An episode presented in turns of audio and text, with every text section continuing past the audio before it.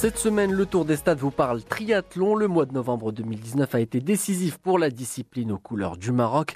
Auparavant, sous l'égide de la Fédération royale marocaine de sport pour tous, le triathlon a enfin sa fédération nationale présidée par Majid Amharouk depuis quelques jours. L'année 2019 restera donc à jamais gravée pour une discipline qui sera certainement amenée à se développer. Majid Amharouk, président de la nouvelle fédération de triathlon, est notre invité de ce Tour des Stades. Il revient sur cette consécration. Maintenant, comme euh, la loi 3009 euh, euh, nous oblige à, créer une fédération, donc on a opté à des clubs qui ont opté à, créer cette fédération, donc en collaboration avec le ministère, en respectant la loi 3009. Donc c'est ça, donc on a pris le projet, on a cru en cette création et finalement c'est fait, donc le 9 mars. Alors, euh, pour que les auditeurs euh, soient un peu plus rapprochés, il faut savoir que le triathlon au Maroc ne date pas d'aujourd'hui. Il y avait bien sûr une équipe marocaine, il y avait des triathlons qui étaient organisés un peu partout au Maroc. Parlez-nous un peu de comment a commencé le triathlon au Maroc avant cet aboutissement qu'est la création de la fédération nationale. Personnellement, ça fait 14 ans que j'ai commencé à, à m'approcher un peu de cette discipline au niveau de l'arrache. Donc, je sais pas s'il y avait des clubs avant cette date qui ont pratiqué le triathlon ou bien qui ont organisé. Mais pour euh, l'arrache, donc ça a commencé, ça fait, on est, on est à la 14e édition. Donc et, depuis 2010, euh, c'est devenu euh, championnat d'Afrique, un événement classé mondialement où les athlètes venaient chercher des points pour se classer, pour se qualifier aux Jeux Olympiques. Donc voilà. Nous maintenant, comme vous le dites on a une équipe nationale qui a participé en Afrique, à Sharm en Tunisie, en Afrique du Sud. Et on a, au niveau marocain, on a quatre événements euh, africains, euh, Cap Africa, euh, donc les championnats africains qui se déroulent chaque année. Donc maintenant, on est le seul pays africain qui organise quatre événements africains, quatre championnats, l'Arrache, Agadir, donc Rabat, l'Arrache, Agadir euh, Dahla. On espère que nos athlètes, l'un de nos athlètes ou deux athlètes, se qualifient euh, champion aux Jeux Olympiques. Donc c'est notre euh, vision, c'est notre projet.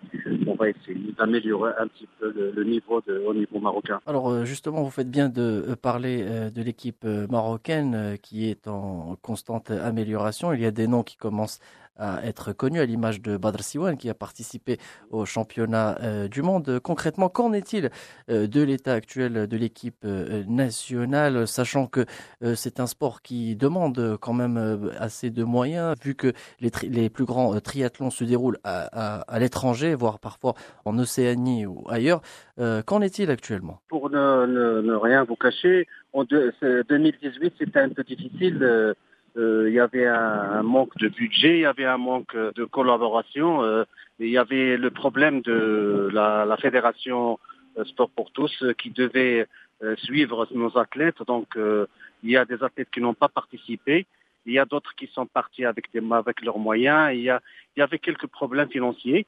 Euh, vu, vu que la fédération euh, n'a pas eu son, son budget parce que c'était c'était il y avait un problème de légalité donc ils devaient faire leur assemblée et s'aligner au, au, statut et, au, et à la loi 3009 donc tout ça a fait que notre équipe nationale l'année dernière donc a un peu euh, donc si vous voulez n'a pas été à la hauteur de de nos, nos espérances.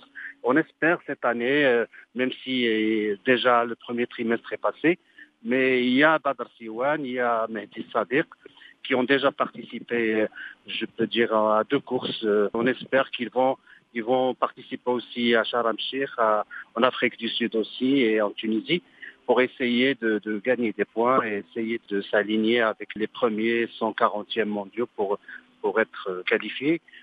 Il y a, il y a d'autres athlètes euh, comme euh, Couscous, comme euh, Amin Farih, comme euh, Karima Kanoun.